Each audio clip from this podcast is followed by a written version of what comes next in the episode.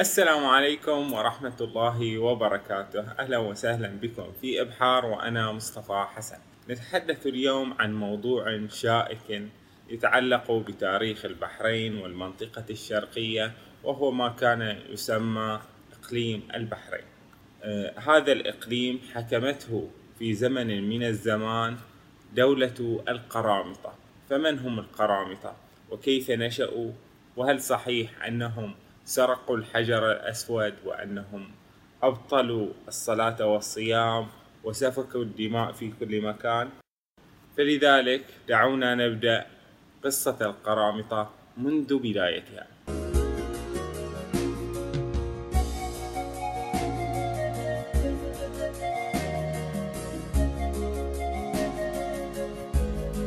فإذا من هم القرامطة؟ القرامطة هم فرقة تتبع المذهب الشيعي الإسماعيلي. والشيعة هو مفهوم نشأ بتشيع الناس إلى الإمام علي وإلى بنيه فمن آه، شاركوا مع الإمام علي في حروبه سموا شيعة علي. وللشيعة مذاهب كثيرة. أهمها وأكثرها شهرة هم ثلاث مذاهب. المذهب الأول هو المذهب الإمامي الاثنى عشري وهو الذي آه، عليه شيعة إيران وشيعة العراق وشيعة الخليج. وهم يؤمنون باثني عشر إمام أولهم الإمام علي وآخرهم الإمام المهدي عليهم السلام جميعا. أما المذهب الثاني فهو المذهب الزيدي والمذهب الزيدي هو المنسوب للإمام زيد بن علي زين العابدين ابن الإمام الحسين ابن علي بن أبي طالب عليهم السلام. فالمذهب الزيدي يؤمن بالخروج على الحاكم الظالم واسترشد بثورة الإمام زيد بن علي ومن قبله ثورة الإمام الحسين واستمرت ثورات العلويين يحيى بن زيد وغيرهم من الحسنيين والحسينيين. فكان المذهب الزيدي يشجع الكثير من المنتمين إلى أهل البيت ويقاتل معهم ضد الدولة الأموية والعباسية. وكان من دول الزيدية دولة الأدارسة في المغرب ومؤسسها إدريس أحد أحفاد الإمام الحسن. ومن دول الشيعة الزيدية أيضا هي الدولة الأخيضرية في نجد ومؤسسها الأخيضر وهو من أحفاد الإمام الحسن أيضا. وكذلك الدولة البويهية التي نشأت في بلاد الديلم وتوسعت وكانت في البداية على المذهب الزيدي ثم تحولت لاحقا إلى المذهب الاثنى عشر. فهذا هو المذهب الزيدي الذي يوجد الآن فقط في اليمن. المذهب الثالث هو المذهب الإسماعيلي. المذهب الإسماعيلي كان له حظوظ كبيرة في آه، الزمان الذي نتحدث عنه في القرن الثالث والرابع الهجري. وهذا المذهب يتفق مع الاثني عشرية في إيمانه بستة أئمة الإمام علي الإمام الحسن الإمام الحسين الإمام زين العابدين الإمام الباقر الإمام الصادق. ولكنهم أي الاثني عشرية والإسماعيلية اختلفوا من الذي يخلف الإمام الصادق. فقال الإسماعيلية إنه إسماعيل ابن الإمام الصادق وقال الاثنى عشرية إنه الإمام موسى الكاظم ابن الإمام الصادق. والإسماعيلية يكملون سلسلة الأئمة بمحمد ابن إسماعيل والذي يعتقدون أنه المهدي المنتظر. وفي معتقدهم أنه غاب خوفا عليه من السلطة العباسية ولكنه متواصل مع الناس عبر وكلاء يخبرهم ويراسلهم. كان عبيد الله المهدي قد ذهب إلى الشام ثم إلى المغرب ليدعو إلى نفسه بأنه من ذرية محمد بن إسماعيل وأنه الأحق بالخلافة. وكان الدعاة الإسماعيليون يبعثون له بالأموال ويأمرون الناس باتباعه والهجرة إليه. طبعا يتهم المذهب الإسماعيلي بأنه مذهب باطني. له يعني هذه النزعة السرية والتي تبتعد عن المفهوم الذي يتعارفه كل المسلمين عن الدين. فكان هناك من دعاة الإسماعيلية جماعة موجودون في سواد الكوفة. الكوفة لها نخيل حولها في القرى التي تعمل في الزراعة. فكان فيها الدعاة الإسماعيلية عبد الله بن ميمون القداح واستمرت هذه الدعوات يدعون إلى عبيد الله المهدي. ثم بعد ذلك جاء حمدان قرمط وهو أحد الدعاة الإسماعيليين والذي أنشأ فرقة متميزة عن الإسماعيلية سميت بالقرامطة نسبة إليه حمدان قرمط فكان هذا الرجل لديه أيضا صهر يسمى عبدان وعبدان كتب ودبج أفكار القرامطة التي كانت غريبة ومختلفة حتى عن الإسماعيلية بعض الشيء. ولم تصلنا كتب القرامطة بل حتى كتب الإسماعيلية قليل منها وصلنا فأخبارنا عن القرامطة والإسماعيلية فيها نوع من التحيز آه، حيث أننا لا نقرأ كتبهم التي هم كتبوها. ولكن ما حكاه التاريخ والمؤرخون جميعا ما اتفقوا عليه يعني توضح لنا من هم القرامطة وما هي سيرتهم. فيقول الطبري عن مذهب القرامطة كيف كان مذهب القرامطة وما هي أفكارهم؟ ومما قاله الطبري وكان فيما حكموا عن هؤلاء القرامطة من مذهبهم أن جاءوا بكتاب فيه بسم الله الرحمن الرحيم. يقول الفرج بن عثمان وهو من قرية يقال لها نصرانة داعية إلى المسيح وهو عيسى وهو الكلمة وهو المهدي وهو أحمد بن محمد بن الحنفية وذكر أن المسيح تصور له في جسم إنسان وقال له إنك الداعية وإنك الحجة وإنك الناقة وإنك الدابة وإنك الروح القدس. وعرفه أن الصلاة أربع ركعات ركعتان قبل طلوع الشمس وركعتان قبل غروبها. والقبلة إلى بيت المقدس والحج إلى بيت المقدس. ومن شرائعه أن الصوم يومان في السنة وهما المهرجان والنوروز وأن النبيذ حرام والخمر حلال. فيقول الطبري أنهم كانوا يحرمون ما أحله الله ويحللون ما حرمه. يعني يبتدعون شريعة جديدة ما أنزل الله بها من سلطان. ويقول المسعودي آه، عن القرامطة وأن هذه الدعوة أحدثت بأصبهان سنة 260 للهجرة وما الغرض بها والمقصد منها وتسليمهم ظاهر الشريعة وقولهم في تأويل معانيها وأمرهم المدعو عند أخذ العهد عليه بستر ما يكشفونه له من تأويل كتاب الله. ومنهم من يقول للمدعو عند ذلك استر ما أكشفه لك من تأويل كتاب الله وتأويل التأويل. وغير ذلك من دعواتهم ووجوه سياستهم وأسرارهم. فمن الواضح أن المسعودي يقول أنها جماعات سرية. يأتيك الداعية ويقول لك سأخبرك ب يعني تأويل الموجود في القرآن الكريم مثلا تأويل آية معينة ولكن اكتم هذا الذي أقوله لك.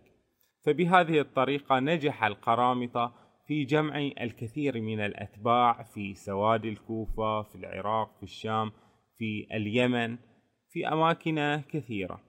غير أن الدولة العباسية كانت لهم بالمرصاد وأحدث القرامطة مما يعني يستشنع عليهم أنهم سفكوا كثيرا من الدماء في ثوراتهم هذه التي يفترض أنهم يقومون فيها لله ولكنهم أحدثوا الكثير من سفك الدماء. وإلى أن جاءت الدولة العباسية واستأصلتهم جميعا في كل البلدان ما عدا دولة واحدة فقط نجح في تأسيسها أبو سعيد الجنابي وأنشأها في آه، إقليم البحرين واستمرت هذه الدولة لأكثر من قرن. فكيف كانت قصة أبو سعيد الجنابي؟ إن أقليم البحرين هو أقليم غني وله تاريخ عريق.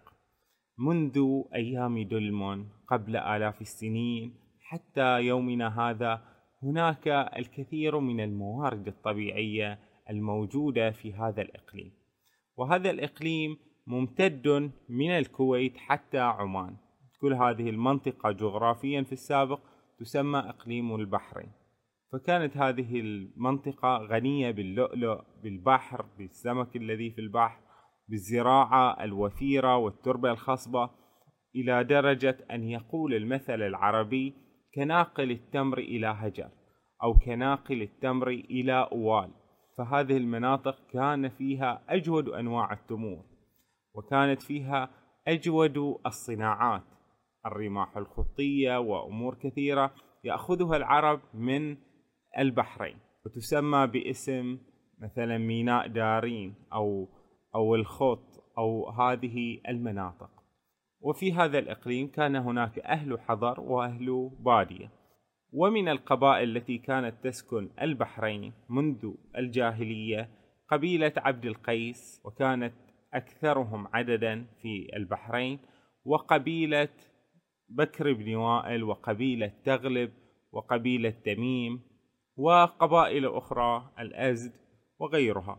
والبحرين من فضائلها أنهم أسلموا طائعين وجاء وفد من عبد القيس إلى النبي محمد ليسلم بين يديه في السنة السابعة للهجرة. وأنشأوا مسجد جواثة كما أنهم انتشرت فيهم نزعة شيعية باشتراكهم في الحروب التي خاضها الإمام علي.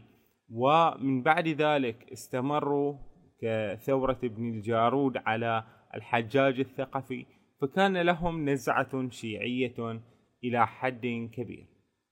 فالبحرين جاءها أبو سعيد القرمطي الجنابي من قرية جنابة وذهب إلى سواد الكوفة وتعلم لدى القرامطة وأرسلوه إلى البحرين ليكون مبلغهم هناك. ولكنه كان حاذقا كان داهيا كان يفكر في مصلحته الشخصية. لا يهمه الإسماعيلية ولا القرامطة يهمه أبو سعيد نفسه فقط. وكان للقرامطة داعية آخر موجود في البحرين. فذهب إليه أبو سعيد الجنابي فقتله. لماذا؟ لكي يخلو له الجو في البحرين. فدخل على القطيف وكان رجلا يبيع الدقيق وشخص متواضع ولكنه شيئا فشيئا تمكن من القطيف يقول ابن خلدون ثم أظهر أبو سعيد الجنابي الدعوة بالبحرين واجتمع إليه القرامطة والأعراب من هم الأعراب؟ الأعراب في اللغة هم أهل البادية فيقال أن من كان مع أبو سعيد الجنابي هم القرامطة المؤمنون بالفكرة القرمطية وبالأفكار الإسماعيلية وهذه الأمور وكذلك من؟ الأعراب الذين كانت ظروفهم قاسية حيث أن الخليفة العباسي قطع عنهم المعونة التي كان يعطيها. ونحن نعرف أن الأعراب وأهل البادية كانوا يعني في حالة اقتصادية صعبة يحتاجون إلى الدعم المالي من الدولة.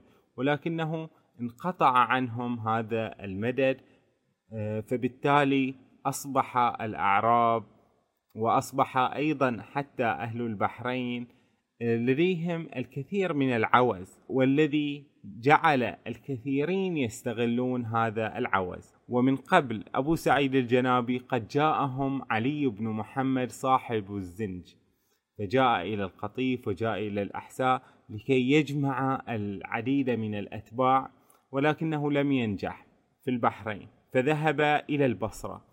وهناك وجد الزنوج والسود عبيدا.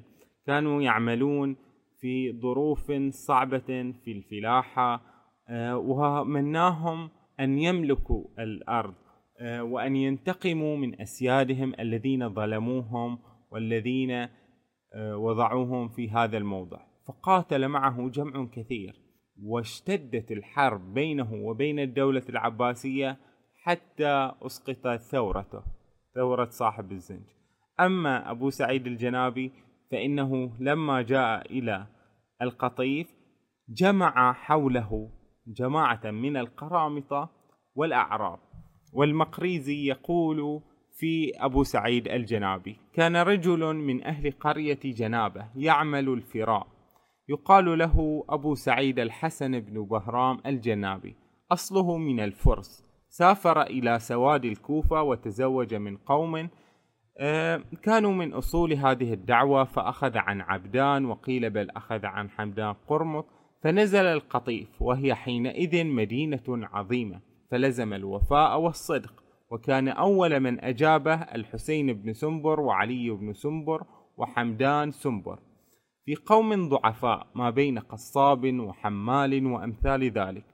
فبلغه أن بناحيته داعيا يقال له أبو زكريا فأنفذ إليه أبو سعيد فقبض عليه وقتله.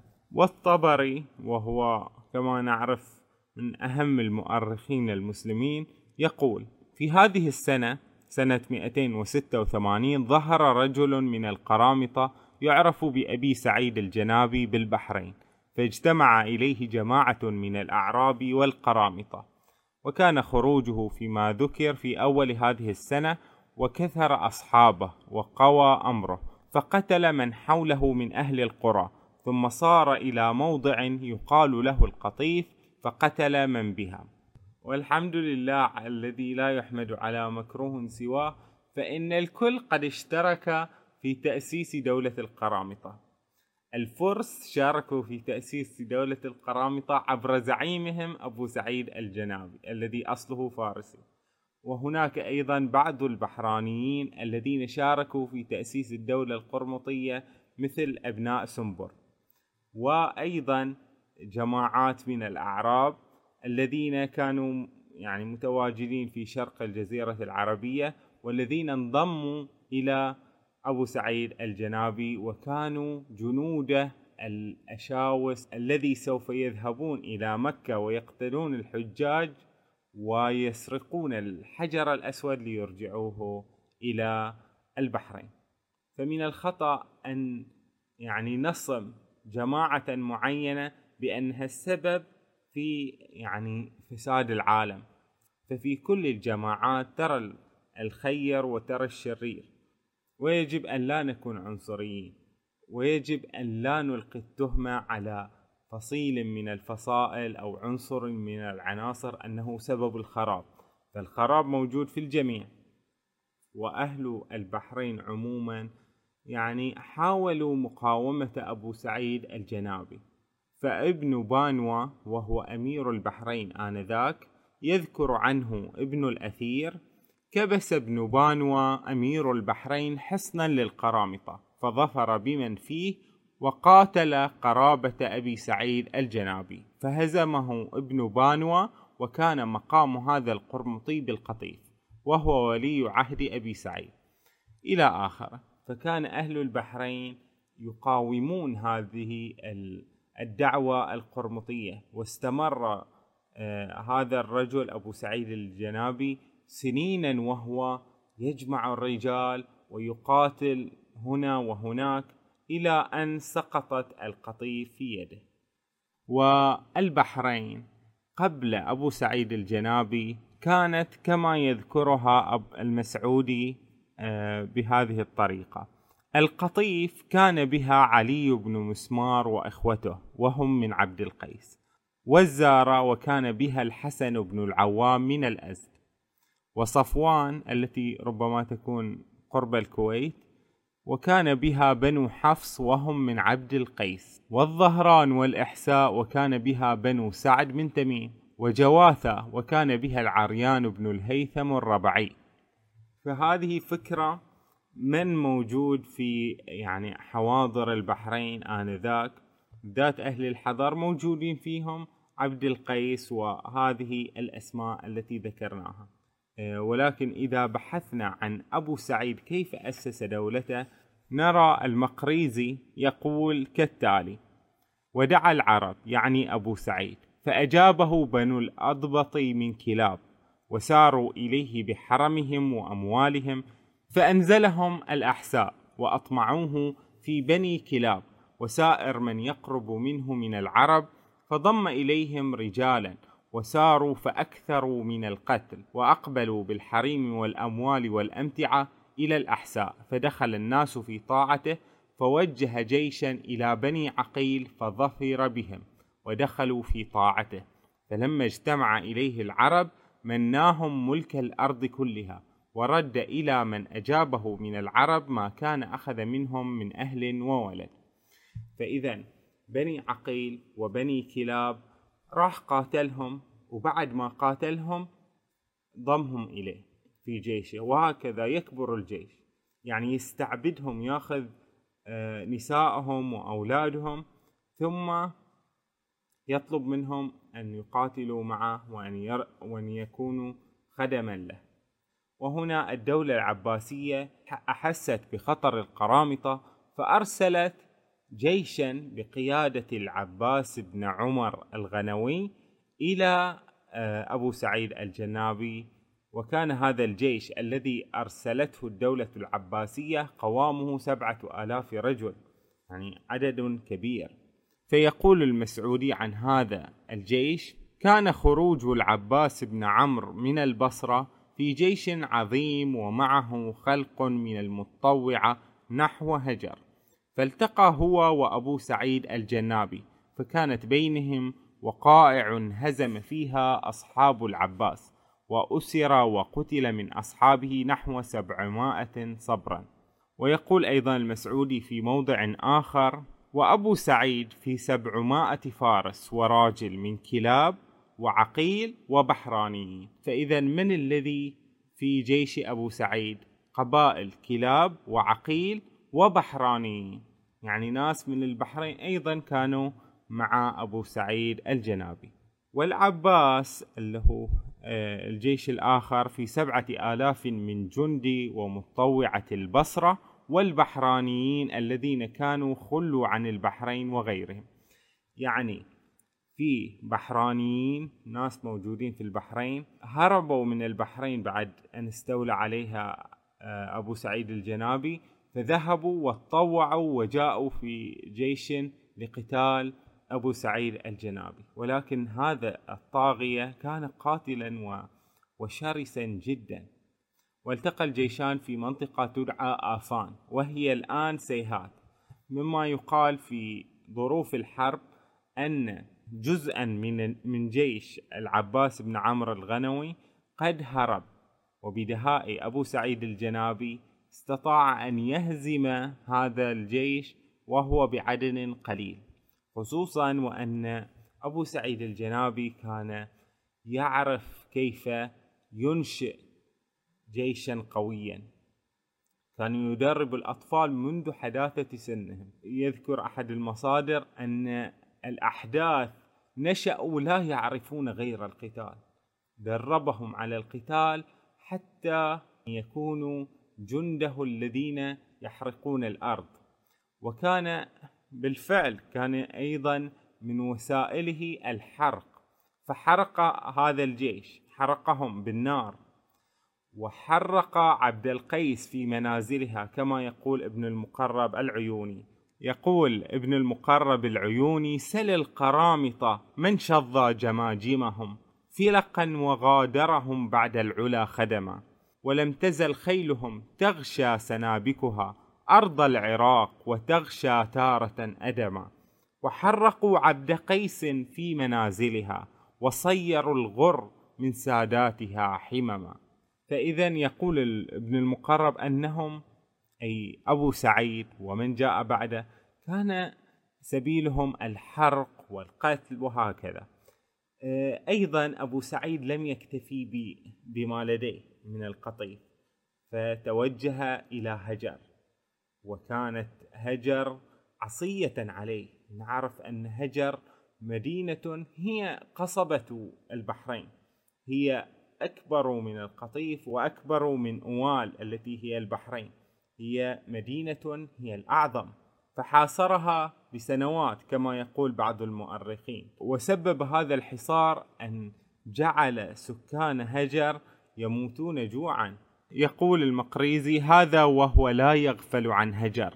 وطال حصاره لهم على نيف وعشرين شهرا حتى أكلوا الكلاب فجمع أصحابه وعمل دبابات ومشى بها الرجال إلى السور فاقتتلوا يومهم وكثر بينهم القتلى ثم انصرف عنهم إلى الأحساء وباكرهم فناوشوه فانصرف إلى قرب الأحساء ثم عاد في خيل فدار حول هجر يفكر فيما يكيدها به. فإذا لهجر عين عظيمة كثيرة الماء تخرج من نشز من الأرض غير بعيد منها فيجتمع ماؤها في نهر يستقيم.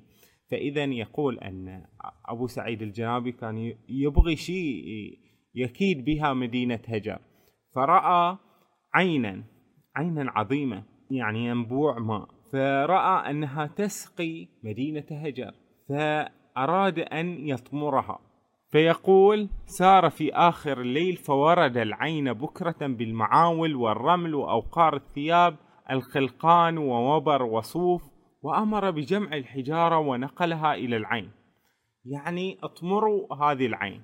وأعد الرمل والحصى والتراب ثم أمر بطرح الوبر والصوف وأوقار الثياب في العين.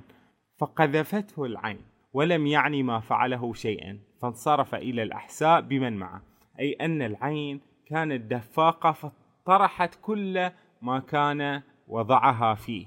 فماذا فعل أبو سعيد الجنابي؟ انصرف إلى الإحساء بمن معه وغدا في خيل فضرب البر حتى عرف أن منتهى العين بساحل البحر وأنها تنخفض كلما نزلت يعني أنه غير مسار اللي هو العين غير مسارها عن مدينة هجر. وبهذه الطريقة قطع الماء عن هجر فسبب هذا لهم مزيدا من المجاعة وعطشا شديدا.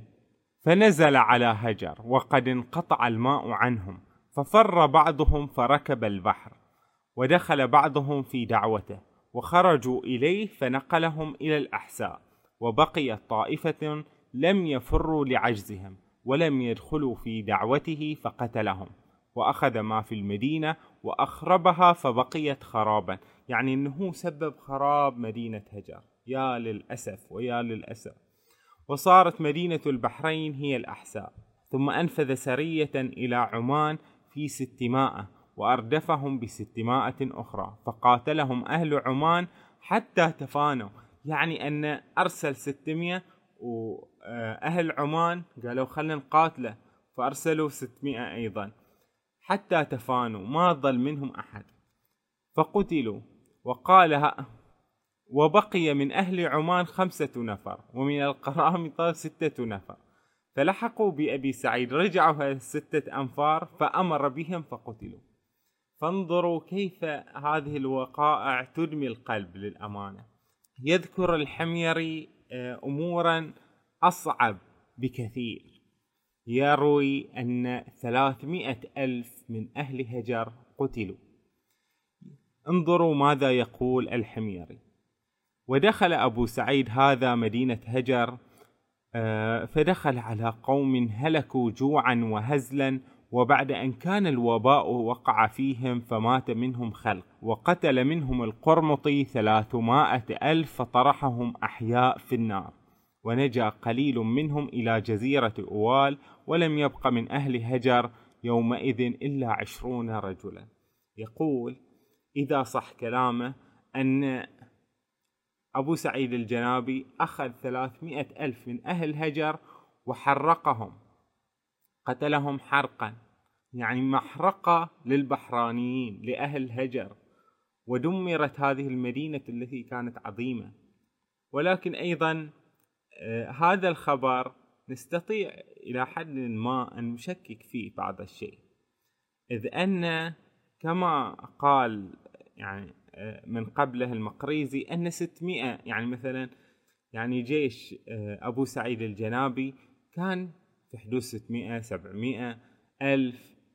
فكيف ألف شخص يقتل 300 ألف شخص؟ وأيضا الحميري وأيضا المقريزي وغيرهم هؤلاء متأخرين جاءوا بعد زمان القرامطة بقرون فربما ما حكوه من تقديرات ومن أرقام غير صحيح جدا. ولكننا نعرف أن أبو سعيد الجنابي كان رجلا سفاحا وهناك ما هو أسوأ من ذلك. لو زين أنه كان أحد الطغاة ولكنه أبقى على دين الله لم يبقي على دين الله. أسقط الصلاة والصيام. فيقول ابن المقرب العيوني وأبطلوا الصلوات الخمس وانتهكوا شهر الصيام ونصوا منهم صنما. وما بنوا مسجدا لله نعرفه بل كل ما أدركوه قائما هدم أي أنه كما يقول ابن المقرب أن القرامطة عندما جاءوا هدموا المساجد ومنعوا الصلاة والصيام. وهذا الخبر أكده من ناصر خسرو وهو رحالة ذهب آه، قريبا من الأحساء وكتب عن الأحساء في عهد القرامطة. كتب عنهم كلاما دقيقا ومأخوذ من مشاهدات عينية. وإن كان هو لم يذهب إلى الأحساء لم يدخل الأحساء ولكنه أخذ من أناس قد دخلوا الأحساء. يقول ناصر خسرو وقيل إن سلطانهم كان شريفا وقد ردهم عن الإسلام يقصد أبو سعيد الجنابي وقال إني أعفيتكم من الصلاة والصوم ودعاهم إلى أن مرجعهم لا يكون إلا إليه واسمه أبو سعيد.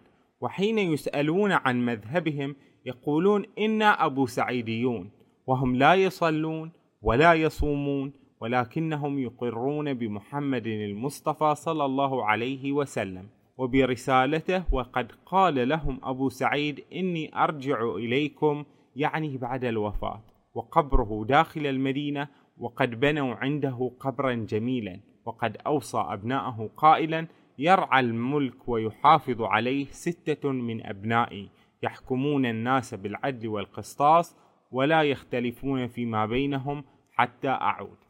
أي أنه أبو سعيد الجنابي حتى في ساعة موته يقول الكفر أنه سيرجع وأن وأنه أعفاهم عن الصلاة والصيام وهذه الأمور. وهنا يعلق الأديب العربي الكبير أبو العلاء المعري فيقول عن أبو سعيد الجنابي ما نصه.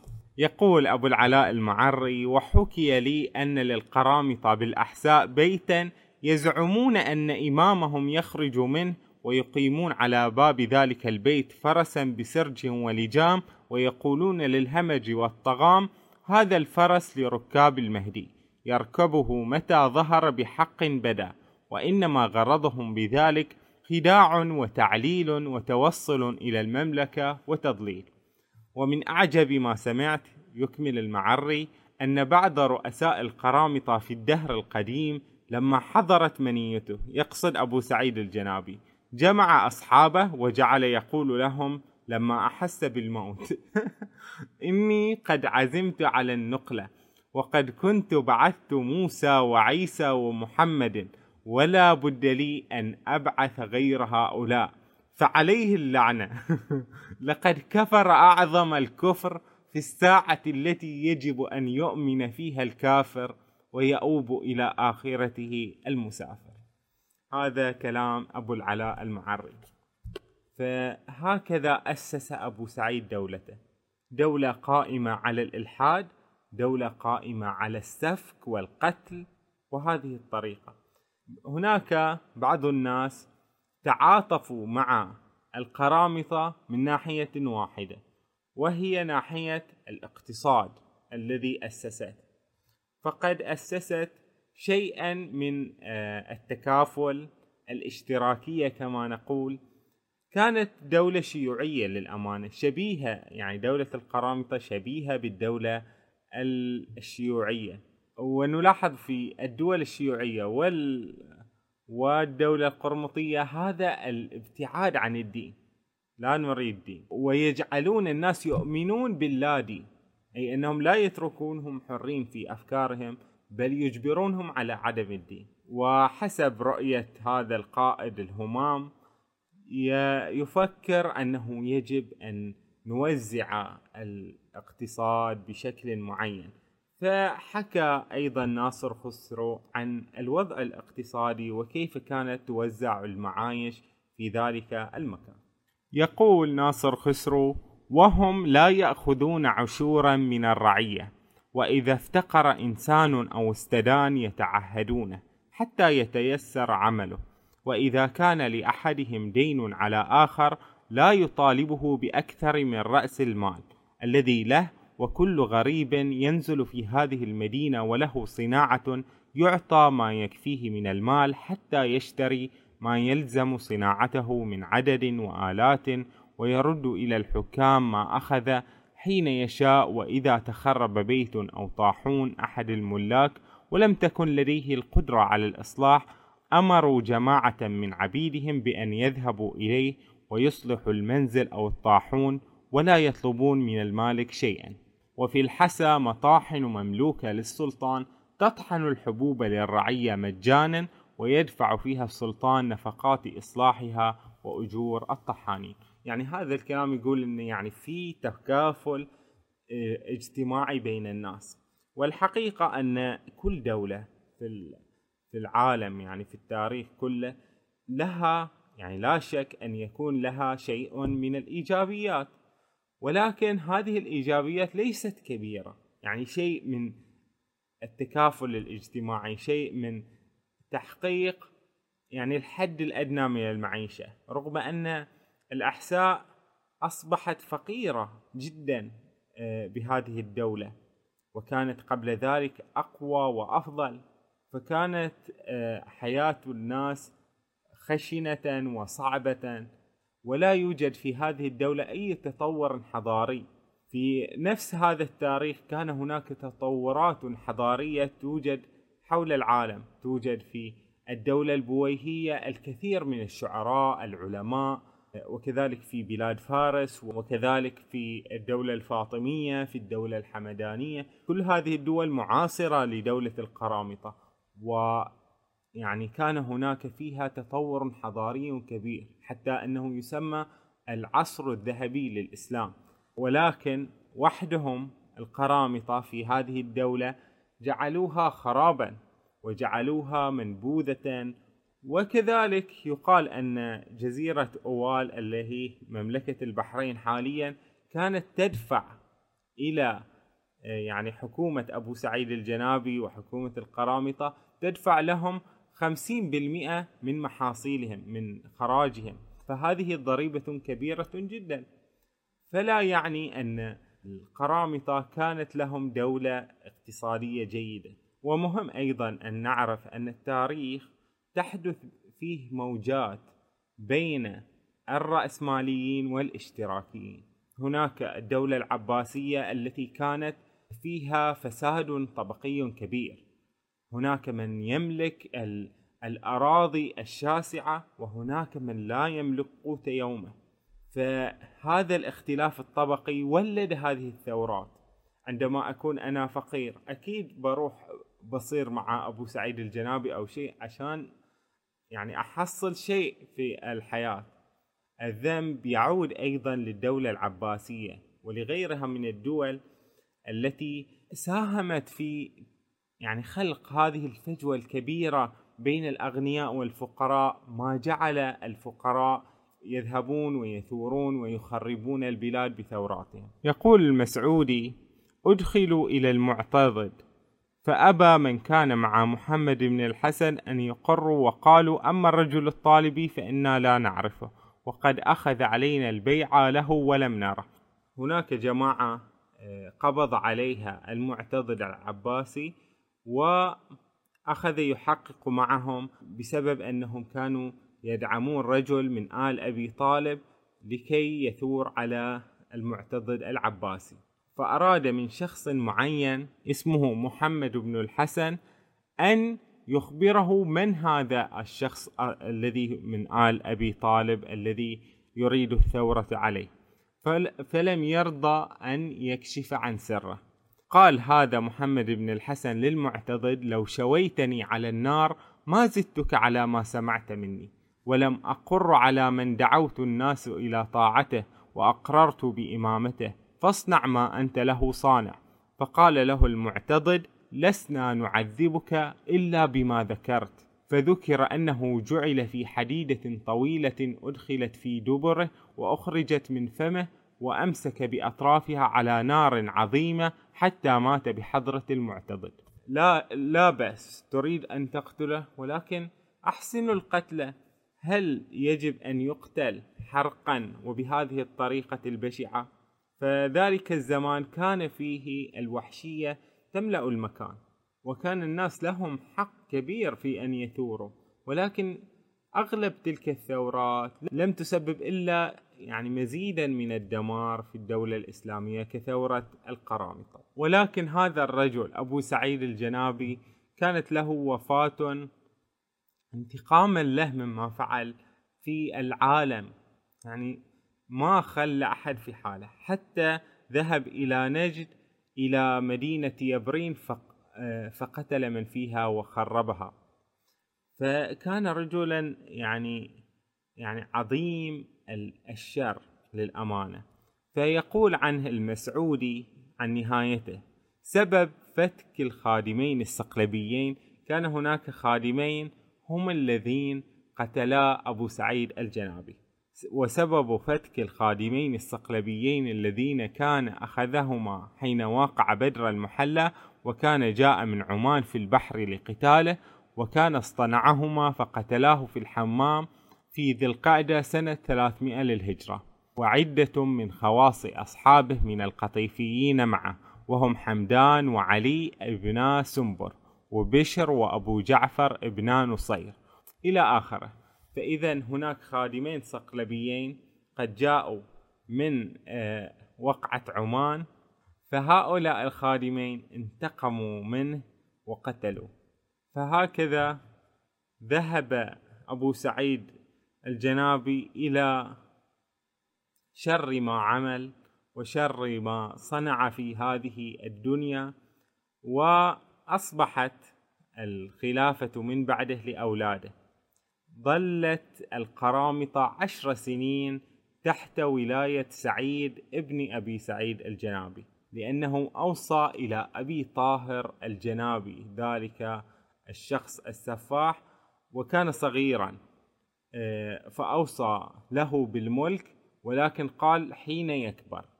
فاستمرت عشر سنوات فترة من شوي رخاء يعني قلت فيها الحروب وما إلى ذلك. وفي القرامطة كان هناك مجلس يعني من الوجهاء من أعيان الدولة يسمى مجلس العقدانية. وهذا المجلس له انتماء إلى الدولة الإسماعيلية والقرامطة وهذه الأفكار. وهو على الأقل أفضل من أبو سعيد ومن أبو طاهر. يعني على الأقل هم يتشاورون فيكون عملهم أقرب للصحة من آه، عمل أبو سعيد وعمل أبو طاهر. فبعد وفاة أبي سعيد الجنابي كانت هناك مراسلة بين العباسيين واللي هم القرامطة. كما أوردها الذهبي. عن الذهبي قال كان علي بن عيسى أشار بمكاتبة أبي سعيد بن بهرام الجنابي والإعذار إليه وحضه على الطاعة ووبخه على ما يحكى عنه وعن أصحابه من ترك الصلاة والزكاة واستباحة المحرمات ثم توعده وتهدده فبلغ الرسل وهم بالبصرة مقتله فكتبوا إلى الوزير أنه قتل فإذا هو قتل والآن هناك من سيرد عليه من اللي هم العقدانية أو من سعيد ابن أبو سعيد سيرد عليهم. فانظروا ماذا سيقولون له. آه، فكتب إليهم أن سيروا إلى من قام بعده فساروا وأوصلوا الكتاب إلى أولاده. فكتبوا جوابه فكان للوزير أبي الحسن من إخوته سلام على الوزير. فإنا نحمد إليه الله الذي لا إله إلا هو. ونسأله أن يصلي على سيدنا محمد وفيه فأما ما ذكره عنا من انفرادنا عن الجماعة فنحن بل أفردنا عنها وأخرجنا من ديارنا واستحلوا دماءنا ونحن نشرح للوزير حالنا. كان قديم أمرنا أن كنا مستورين مقبلين على تجارتنا ومعايشنا ننزه أنفسنا عن المعاصي. فنقم علينا سفهاء الناس وفجارهم ممن لا يعرفون بدين وأكثر التشنيع علينا حتى جمع الناس علينا وتظاهروا وشهدوا علينا بالزور وأنا لا نحرم حراما ولا نحلل حلالا فخرجنا هاربين ومن بقي منا جعلوا في رقابهم الحبل والسلاسل. وأما ما ادعي علينا من الكفر وترك الصلاة فنحن تائبون مؤمنون بالله. فكتب الوزير يعدهم الإحسان انتهى. أي أنه بعد وفاة أبو سعيد الجنابي هناك تغيير في ال... يعني مهادنة في شيء من المهادنة بينهم وبين السلطة العباسية. قالوا لا إحنا ما نسوي كذي ما نسوي هالأشياء. وهناك رسالة حدثت بين أبو سعيد الجنابي والمعتضد العباسي الخليفة العباسي. قال أبو سعيد الجنابي هذا بلد خارج عن يدك. غلبت عليه وقمت به وكان بي من الفضل ما آخذ به غيره فما عرضت لما كان في يدك ولا هممت به ولا أخفت لك سبيلا ولا نلت أحدا من رعيتك بسوء فتوجيهك إلي الجيوش لأي سبب. اعلم إني لا أخرج عن هذا البلد ولا تصل إليه وفي هذه العصابة التي معي روح. فاكفني نفسك. ولا تتعرض لما ليس لك فيه فائدة ولا تصل إلى مرادك منه إلا ببلوغ القلوب الحناجر هني ارتبك اللي هو المعتضل العباسي فانظروا ماذا قال. فقال المعتضل العباسي صدق ما أخذ شيئا كان في أيدينا. بعدين رد فكر إنه تعال هذا الكلام غلط. وأطرق مفكرا ثم رفع رأسه وقال كذب عدو الله الكافر. المسلمون رعيتي حيث كانوا من بلاد الله. والله لئن طال بي عمري لأشخصن بنفسي إلى البصرة وجميع غلماني. ولأوجهن إليه جيشا كثيفا. فإن هزمهم وجهت جيشا. فإن هزمه خرجت في جميع قوادي وجيشي إليه حتى يحكم الله بيني وبينه. هكذا كان رد المعتضد العباسي مع أنه أرسل إليه معركة واحدة فقط وتوفي المعتضد العباسي بعد مدة قصيرة. فإذا تناولنا سيرة حياة أبي سعيد الجنابي وكيف أسس دولة القرامطة. أسسها على بنيان من الكذب والخداع والتضليل وسفك الدماء وهذه الأمور يعني السيئة. فماذا حصدنا من ما فعله أبو سعيد الجنابي؟ وماذا حصد هو؟ وجدير بنا أن نتعلم ونأخذ العبرة من التاريخ. من هوان الدنيا على الله أن يقتل الإمام الحسين في كربلاء.